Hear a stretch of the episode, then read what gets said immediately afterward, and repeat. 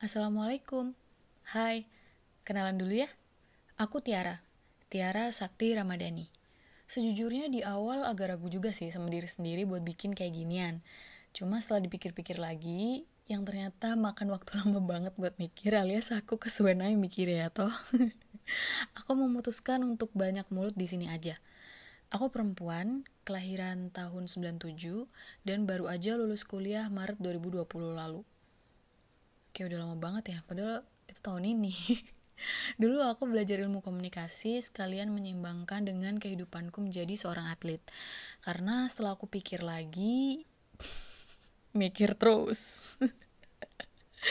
selama ini atlet tuh diremehin gitu loh karena jarang masuk sekolah atau kuliah jadinya ya dianggap pemalas lah dianggap nggak suka belajar lah nggak suka baca lah ya walaupun kadang emang iya sih karena kalau udah capek banget tuh lupa semua gitu. Tapi bukan berarti kami tuh nggak mau belajar. Mungkin emang ada atlet-atlet yang beneran energinya tuh terkuras habis buat dipakai latihan.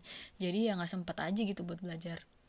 Tapi aku nggak mau label itu terus-terusan nempel di atlet gitu.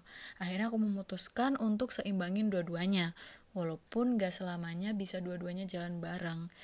But at least I'm trying gitu ada kalanya aku prioritasin jadi atlet tapi ada kalanya juga aku prioritasin diri aku sebagai mahasiswi. Dan alhamdulillah banget aku bersyukur banget hal yang selama ini aku khawatirin ternyata dosen-dosen aku itu sangat suportif gitu mendukung aku menjadi atlet. Bahkan uh, dosen pembimbing skripsi aku Bulis beliau juga sangat suportif dengan meminta aku untuk menyelesaikan urusanku sebagai atlet dulu baru fokus ke skripsi gitu. Dan itu kejadian di aku kemarin 2019 setelah aku universit itu aku ada prapon dan aku bener-bener nggak bisa megang skripsi. Akhirnya dosen pembimbing aku bilang untuk selesaikan dulu praponnya. Setelah itu baru aku bisa fokus ke skripsi. Dan akhirnya aku bisa ngerjain walaupun ya emang mepet banget cuman satu setengah bulanan lah ya kurang lebih gitu jadi ya akhirnya aku bisa jalan dua-duanya juga karena alhamdulillah lingkungan aku yang sangat mendukung gitu kok jadi ke mana-mana gitu ya bahasnya Oke, jadi sebenarnya aku ini bikin podcast karena pertama aku suka dengerin suaraku sendiri kalau pas lagi ngomong. Ya emang sounds kepedean sih, tapi ya gimana ya emang suka aja gitu. Terus aku tuh manusia dengan love language words atau apa pun yang berbau dengan kata-kata jadi rasanya kalau ada yang aku pikirin tuh harus dikeluarin dalam bentuk apa pun. Entah itu ngobrol bareng teman entah itu tulis caption di Instagram atau nulis blog atau sekedar tweet-tweet random yang penting pikiran itu harus keluar gitu dari kepala aku.